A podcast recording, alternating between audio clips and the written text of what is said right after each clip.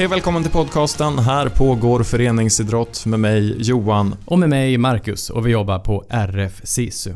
Och i veckans avsnitt så ska vi prata om samträning. Och med oss för att hjälpa oss med det här så har vi Linn ifrån Umeå. Hej Linn!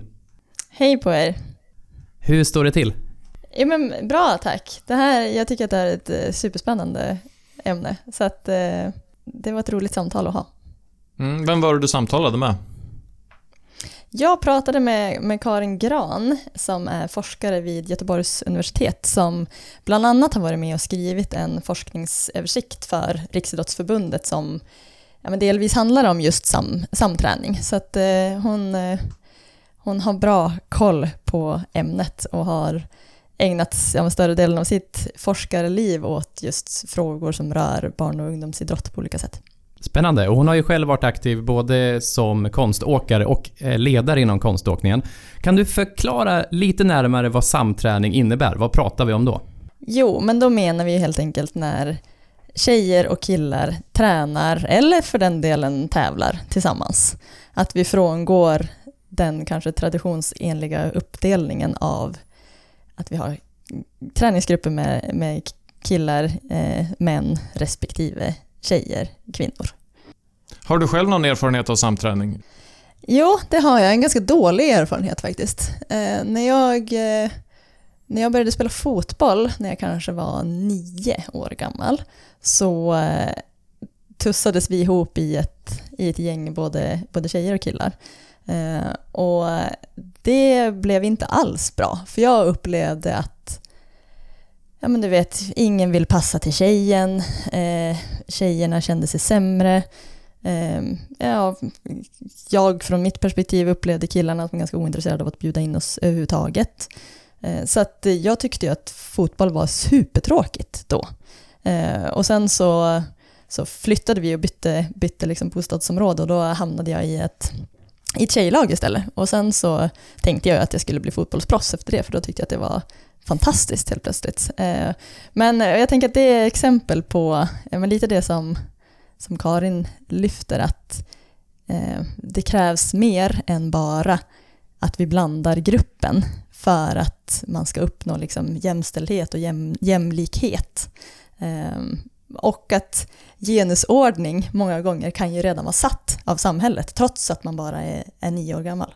Vilket i sig kan vara skrämmande. Men eh, jag tänker att vi kommer, vi kommer återkomma till det lite under samtalet. Mm, jag tänker att vi kastar oss in i det på en gång.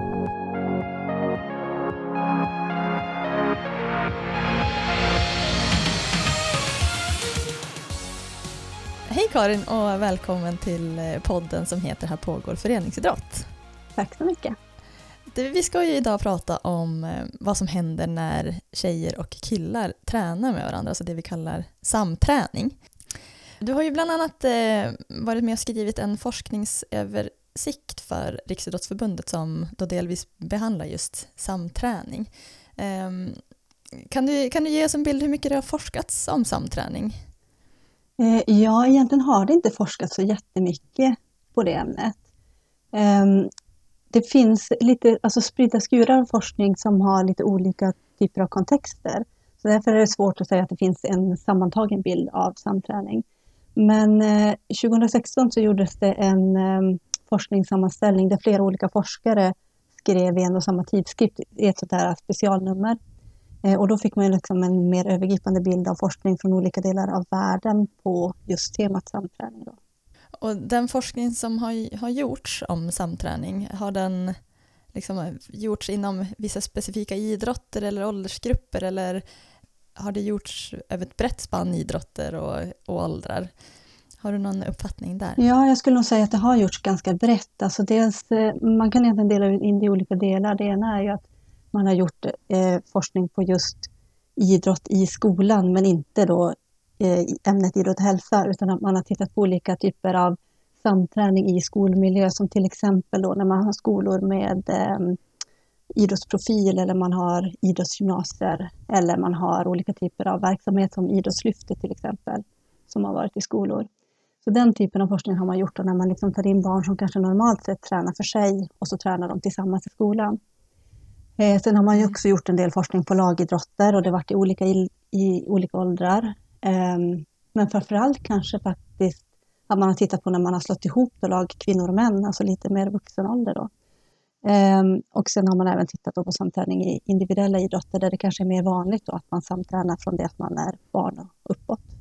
Den föreställningen bär i alla fall jag på att det är vanligare inom idrottsrörelsen eh, att man samtränar till exempel då inom en individuell idrott jämfört med vad det är ja, men i, i lagidrotter. Ja, det är ju ofta det. Men du, vad, vad sägs då om, om samträning? Vad har man kommit fram till händer när tjejer och killar tränar tillsammans?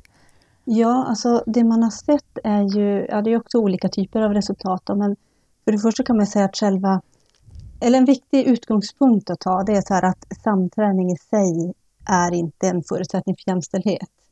Eh, vilket man ibland kanske kan tro då, att ja, men bara vi låter flickor och pojkar träna tillsammans så uppnår vi jämställdhet, men det gör man inte.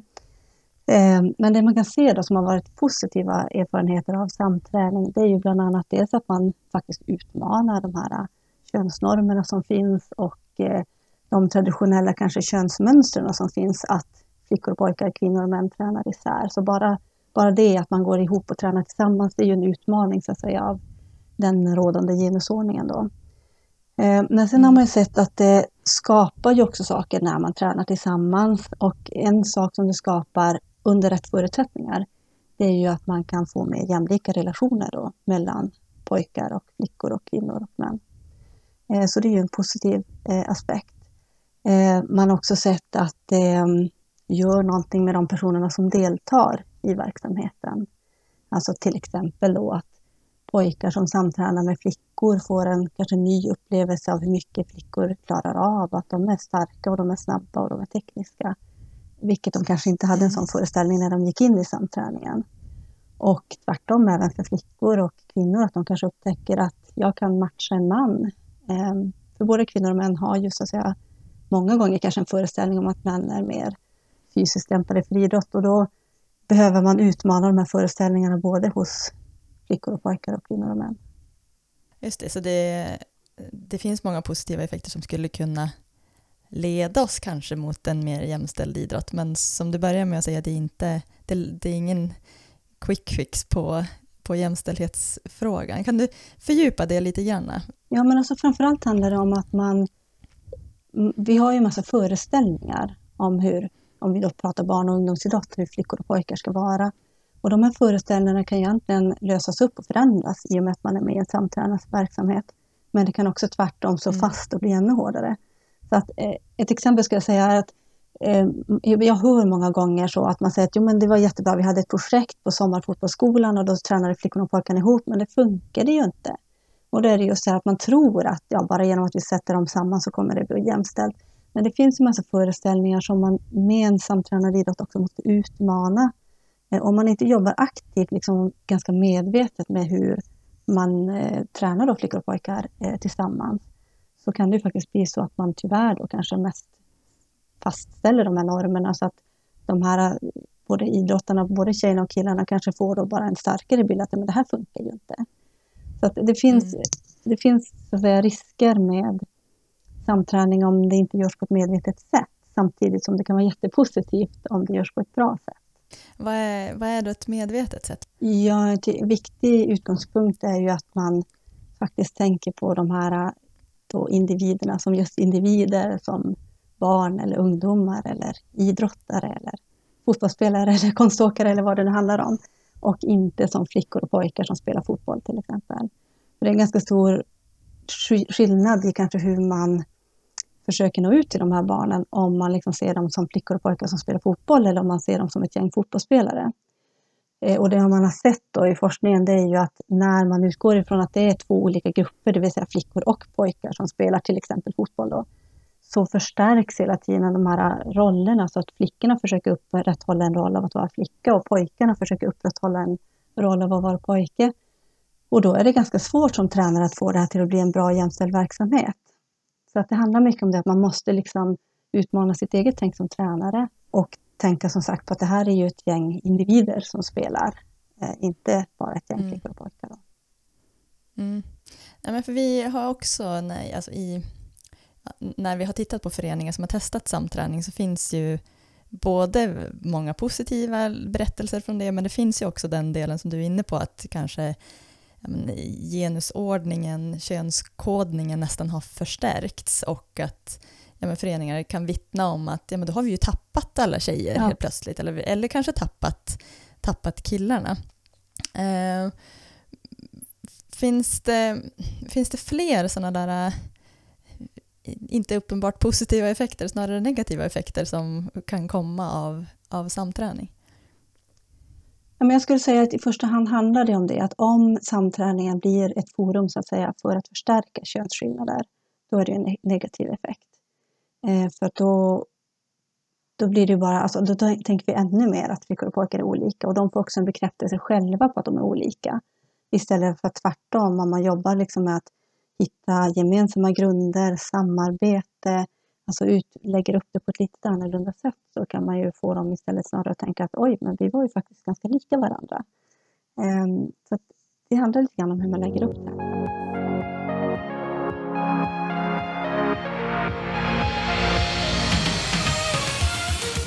Vad tänker du att idrottsrörelsen skulle kunna vinna på eh, samträning om, om vi nu förutsätter att den samträningen då inte förstärker skillnader mellan könen och förstärker genusordningen? Så jag tänker att man skulle kunna vinna mycket på det. Alltså dels för barnen själva, om det nu är barn det handlar om, eh, så får de ju, de får ju en vidare repertoar vad det innebär att vara flicka och pojke till exempel. För att i en grupp där det är en massa olika individer som är på olika sätt och de individuella skillnaderna så att säga eh, blir fler än de könsskillnaderna då, så kommer man ju att märka att ja, men det kanske är jag och den här pojken då som är jättelika varandra och vi är jätteintresserade av samma sak och vi helt plötsligt inser man att ja, men likheterna mellan oss är mycket större än skillnaderna. Så det tror jag att eh, rent ehm, så socialt så tror jag att barnen vinner på detta för att de, de får också en större repertoar, men alltså hur man ska vara själv så att men det kanske inte är det kanske är mer okej okay för en pojke som ramlar och slår sig att gråta i ett mixat lag än vad det är i ett pojklag till exempel. Och det kanske är mer okej okay för en tjej som är tuff och driver på och så att vara det i ett mixat lag än vad det är i ett, i ett, bara i ett tjejlag då. Så jag tror just det att man vidgar repertoarerna eh, och möjliggör för barnet att vara på olika sätt. Då. Det är ju en stor social fördel. Kan forskningen säga oss någonting om när åldersmässigt eh, kanske det är som liksom mest lämpligt att börja samträna eller, eller kanske också sluta samträna. Jag tänker att det också finns en, eh, om man liksom kommer, kommer högre upp i åldrarna och tävling mäts liksom i resultat och prestation så finns ju ändå en, en viss fysisk skillnad om man ska generalisera grupperna. Det finns ju också skillnader inom grupperna såklart, men men att, det liksom, att tävlingen ska vara rättvis till exempel. Eh, vad, vad, tänker du om det? Alltså jag tänker att det är lite förenklat att säga att det är en viss ålder. För det beror helt, på, helt och hållet på vilken idrott vi pratar om. Att I vissa idrotter så kan man träna tillsammans och tävla tillsammans i hela livet. Om man tar till exempel då ridsport och motorsport, där har vi inga sådana uppdelningar. Ehm, I andra idrotter så kan det vara lite mer komplext då, för om vi ska mäta till exempel fysisk styrka där vi vet att storlek har en stor betydelse. Det är klart att då kommer det att bli svårt att tävla till exempel på jämlika villkor när man kommer upp över puberteten. Så ofta är det ju där någonstans man pratar om att ja, vid puberteten finns det någon slags skärpunkt. Men jag tycker inte man ska, blind, alltså man ska inte stirra sig blind på det heller. För att det finns många idrotter där man kan framförallt samträna långt upp i åldrarna, kanske hela vägen upp till elit. Vi tänker simning till exempel. Där finns det ju många sådana exempel på där man då samtränar eh, långt upp i åldrarna och även på hög nivå. Men man tävlar inte tillsammans. Eh, så det är ju ett exempel. Och sen kan man också tänka sig att det finns ju, om man tycker att det är viktigt med samträning så skulle man ju kunna ha moment där man samtränar till exempel när det gäller teknik. Även det långt upp i åldrarna i många olika idrotter. Så att egentligen handlar det lite grann om ja, man måste se till varje specifik idrott och se vart gränserna går där. Eh, och sen har vi ju redan en ganska så tydlig gräns och det är ju att vi tävlar i de allra flesta idrotterna uppdelat. Eh, så att där blir det ju någonstans förbunden också som sätter ramarna för när man faktiskt får och inte får eh, tävla tillsammans till exempel. Har man sett så tydliga skillnader mellan lagidrotter till exempel kontra individuell idrott när man har studerat just samträning? Ja, den stora skillnaden är väl att i många individuella idrotter så startar man samträningen redan när barnet startar idrotten. Så att det är naturligt för dem att träna tillsammans. I simning, i många typer av kampsporter och så, så tränar man tillsammans hela livet och det är inga konstigheter i det. Eh, men däremot om vi spelar fotboll till exempel så lär vi oss ganska snabbt att det finns eh, flicklag och pojklag. Och när man då kanske kommer upp på en högstadienivå eller gymnasienivå där man kanske då ska samträna i skolan till exempel, då har man ett helt annat bagage om man säger så, med sig och en helt annan föreställning om hur det är att träna med flickor och pojkar. Och jag tror att det är det som är den stora skillnaden, att det visar sig liksom att i den ena kontexten där har vi föreställningar som man gemensamt har skapat över tid. Alltså i kontexten med mm. individuell idrott, där man tränar tillsammans. Medan i lagidrotterna, då får man helt enkelt komma in i en ny kontext där man ska försöka då ja, jämka de föreställningar man hade från föreningsidrotten med de nya föreställningarna som man får inom skolidrotten då till exempel. Jag, jag tolkar dig som att samträning ju är kanske både enklare och fördelaktigt att börja med så tidigt det bara går så att man inte har fastnat i vissa föreställningar om sitt eget kön kanske eller den andres, den andres kön. Ja, absolut. Det är lättare att eh, få till en bra samträning skulle jag säga om man börjar redan från barn. Eh, och det är det man kan se till exempel i lagbollsporten, att man börjar med samträning när de är små, alltså när de går i någon typ av bollskola eller så, men sen separerar man ganska snabbt och det är lite synd tycker jag. Alltså man mm. skulle mycket väl kunna titta i lagbollsporter på möjligheter att förlänga den här samträningen och hitta samträningsmöjligheter kanske längre upp i åldrarna också, men att man har börjat liksom, från scratch med att lära sig att träna tillsammans. Härligt Karin, jätteintressant att höra, höra dina tankar kring det. Eh, om vi ska ge oss på och lite sammanfatta det vi har sagt, det brukar, det brukar sällan, sällan gå bra när man har sagt väldigt många intressanta saker, men, men om vi ger oss på det så vi har varit inne på att samträning kan ge många positiva effekter. Eh, du var både inne på relationen mellan kvinnor, män, pojkar, flickor, synen på varandras kapacitet eller kanske sin egna kapacitet. Eh, ja, men helt enkelt att man fokuserar lite mer på vad som är lika mellan könen istället för det som är, är olika. Eh, men du har också sagt att det här är ju ingen, samträning är liksom ingen garant för en jämställd verksamhet, utan att det handlar om att ja, man också bedriva den väldigt medvetet så att man, ja, även om man, om man har en träning där man blandar killar och tjejer, så behöver man hantera det medvetet så att inte liksom könsordningar eh, förstärks och föreställningar förstärks utan att de ja, snarare, snarare rivs jag gav mig på sammanfattningen. Känns det som att du vill komplettera den? Nej, jag tycker det var en väldigt god sammanfattning av det vi har pratat om. Eh, absolut.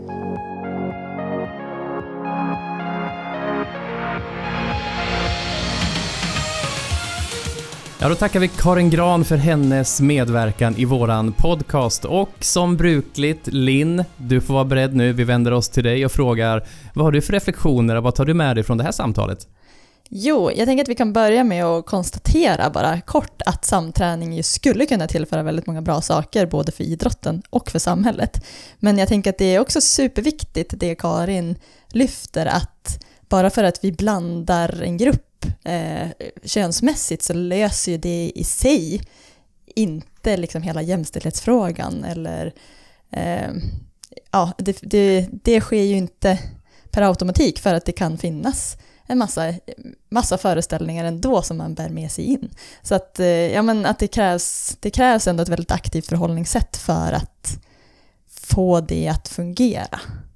Eh, och jag tänker det, det exemplet jag drog i inledningen var väl ett exempel som visar på när det inte funkar, för att det fanns massa föreställningar redan om det kvinnliga och manliga. Ja, och det där blir ju en intressant fråga. Hur stor stort ansvar som idrotten eller i, liksom, i, i det yttersta en enskild idrottsförening ska ta till att försöka bryta samhällsnormer kopplade till jämställdhet. För att de lever ju i en typ av verklighet där man har vissa förutsättningar ser väl de det som kanske mer än att det är saker som de ska försöka bryta och försöker anpassa sig efter dem.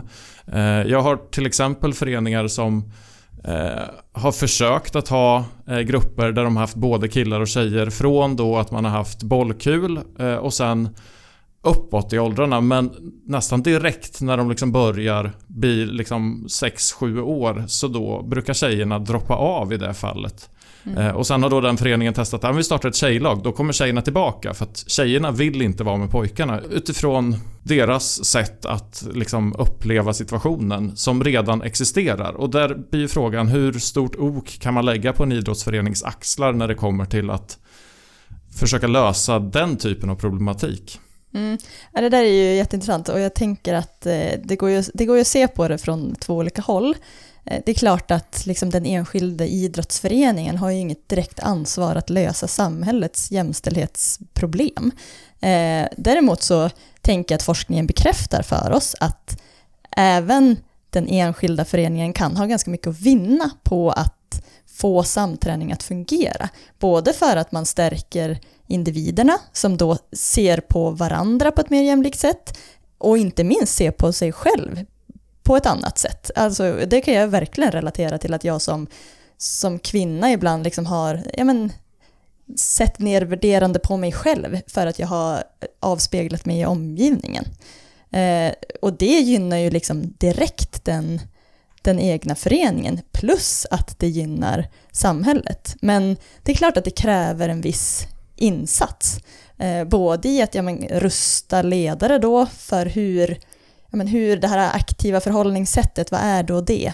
Vad ska man tänka på när man gör gruppindelningar eller när vi pratar så att vi inte liksom spär på massa föreställningar om kvinnligt och manligt och kvinna-man eh, utan snarare river dem. Så det krävs, ju, det krävs ju en viss rustning och jag tänker också förankring så att man, ja, man kanske får med sig få med sig föreningen inte minst, men också liksom föräldrar och omgivning till föreningen så att man förstår varför varför tycker vi att det är viktigt att, att göra det här? Varför vill vi i alla fall testa? För det tänker jag är liksom en viktig poäng att vi det kanske inte funkar med samträning i alla miljöer, i alla idrotter, på alla åldrar. Eh, men jag tänker att vi i alla fall ska ifrågasätta om vi slentrianmässigt ska dela in efter kön. Behöver vi dela in efter kön? Ja, om det självklara svaret är ja, då kanske man ska göra det då. Men jag tänker att det är på väldigt många ställen vi gör det av tradition. Och det tänker jag att vi kan ifrågasätta. Ja, jag tycker ni är inne på väldigt intressanta delar och eh, jag har själv ett exempel. Jag tror att jag har tagit upp det i något tidigare avsnitt här, men då är det en... Eh, jag ber om ursäkt att det återigen är ett fotbollsexempel, men vi hamnar där igen. Eh, och det är ju en traditionsmässigt uppdelad idrott. Och en förening som jag har haft kontakt med eh, jobbade med precis de här frågorna. Kanske inte samträning i den ordinarie verksamheten fullt ut, men de hade ingen tanke på innan det här eh, arbetet sattes igång att de skulle utmana könsroller eller eh, könsmönster. Utan istället så tog de fasta på sin värdegrund som i ett, ett nyckelord i deras värdegrund är eh, att det ska vara en familjär eh, känsla i föreningen med god gemenskap. Och då tog de och gjorde ett, ett arbete kring ungdomslagen, att de skulle komma närmare varandra. Eh, både då tjejlag och killag, men också sinsemellan i olika åldersgrupper. Så de gjorde ett antal aktiviteter, både på eh, fotbollsplanen men även utanför. Och som avslutning så hade de en dag i skidbacken där de åkte utförsåkning. Vilket knappt någon av de här utövarna hade gjort tidigare. Och den dagen vart ju, vi hade tur med vädret så det vart en fantastisk dag. Men då gjorde de också en aktivitet som ingen förväntades vara bra på. Och många av tjejerna i det här fallet var mycket, mycket bättre och, och eh, greppade det här mycket snabbare än killarna. Så bara det gjorde att, att synen på varandra ännu mer, eh, vad ska man säga, att synen på varandra blev, blev bättre bara av att se att det här handlar inte bara om, om fotbollen helt enkelt. Och sen efter den här dagen så ville de själva göra saker gemensamt. Både träningsmässigt, att de gjorde vissa träningar eller delar av träningen gemensamt. Men också att de ville göra saker utanför själva föreningen tillsammans. Så utan att jobba med jämställdhetsfrågan från föreningens håll utan mer gemenskap så blev det ju ett resultat som var gott tänker jag. Mm. Lång utläggning. ja, nej men precis. Och det är väl det vi egentligen är inne på. att lösningen är inte bara att klumpa ihop en grupp och tro att det ska bli bra. Eh, utan man behöver jobba med gruppen så mycket som möjligt också. Det kan ju komma ifrån olika håll. Att det handlar om att vi vill ha bättre gemenskap i föreningen. Eller vi tror att det här kommer ge oss en bättre syn på Eh, på de olika könen. Eller så kan det komma från en tredje håll också. Det finns ju massa olika anledningar att jobba med att få ihop föreningen och de olika lagen. Både över könsgränser och över åldersgränser. Och jag skulle säga att alltså, den träningsgrupp som jag absolut haft eh, tyckte varit den allra bästa stämningen i var när jag under en kort period friidrottade när jag gick på gymnasiet. Eh, och då var det ju elitsatsande både killar och tjejer i samma grupp. Eh, och det funkade ju precis hur bra som helst. Sen är det klart att det kanske funkar ännu enklare i en individuell idrott där man ju inte behöver liksom mäta sig mot varandra rent fysiskt utan det handlar mer om att vi gör samma övningar eller vi kanske till och med bara är i samma arena och gör våra egna övningar. Men jag tänker också, på tal om att liksom mäta, mäta sig fysiskt mot varandra över könsgränserna, så tänker jag ibland att vi i alla fall för barn och ungdomar förstärker den, de gränserna. För att kollar man rent krast inom då gruppen pojkar så kan det ju vara superorättvist att någon som inte gått igenom puberteten till exempel tvingas tävla mot någon som har, är en halv meter längre och 15 kilo tyngre. För det kan ju nästan nästan vara de skillnaderna ibland. Eller motsvarande på tjejsidan kan ju det också vara väldigt tydligt att så här, ja, men det är inte särskilt rättvist om vi ska prata fysiska förutsättningar. Så att jag tänker att vi ibland förstärker det just för förstärker onödigt mycket just för barn och ungdomar. Sen håller jag ju till 100% med om att liksom den yttersta elitidrotten som handlar om prestation, där prestation mäts, ska ju vara rättvis. Och det får man ju liksom säkerställa. Eh, men som sagt, vi kanske förstärker den där skillnaden onödigt mycket för barn och ungdomar.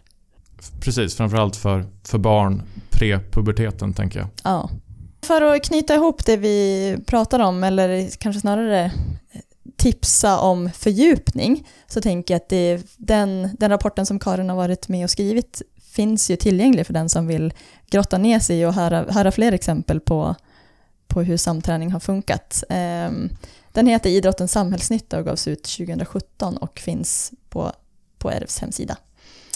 Um, jag tänker också att ett så avslutande grundtips som jag redan har nämnt, men det är ju att, att ifrågasätta om man faktiskt behöver dela in den här gruppen efter kön eller inte. Så att vi undviker att göra det av slentrian, om vi nu vet att det kan medföra liksom, positiva effekter.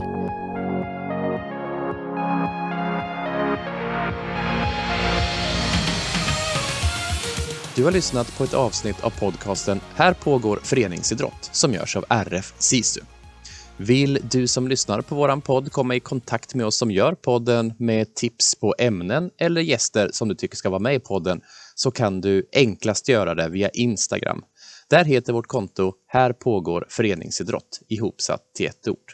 Du kan också mejla oss på eh, mejladressen podd rfsisu.se podd rfsisu.se.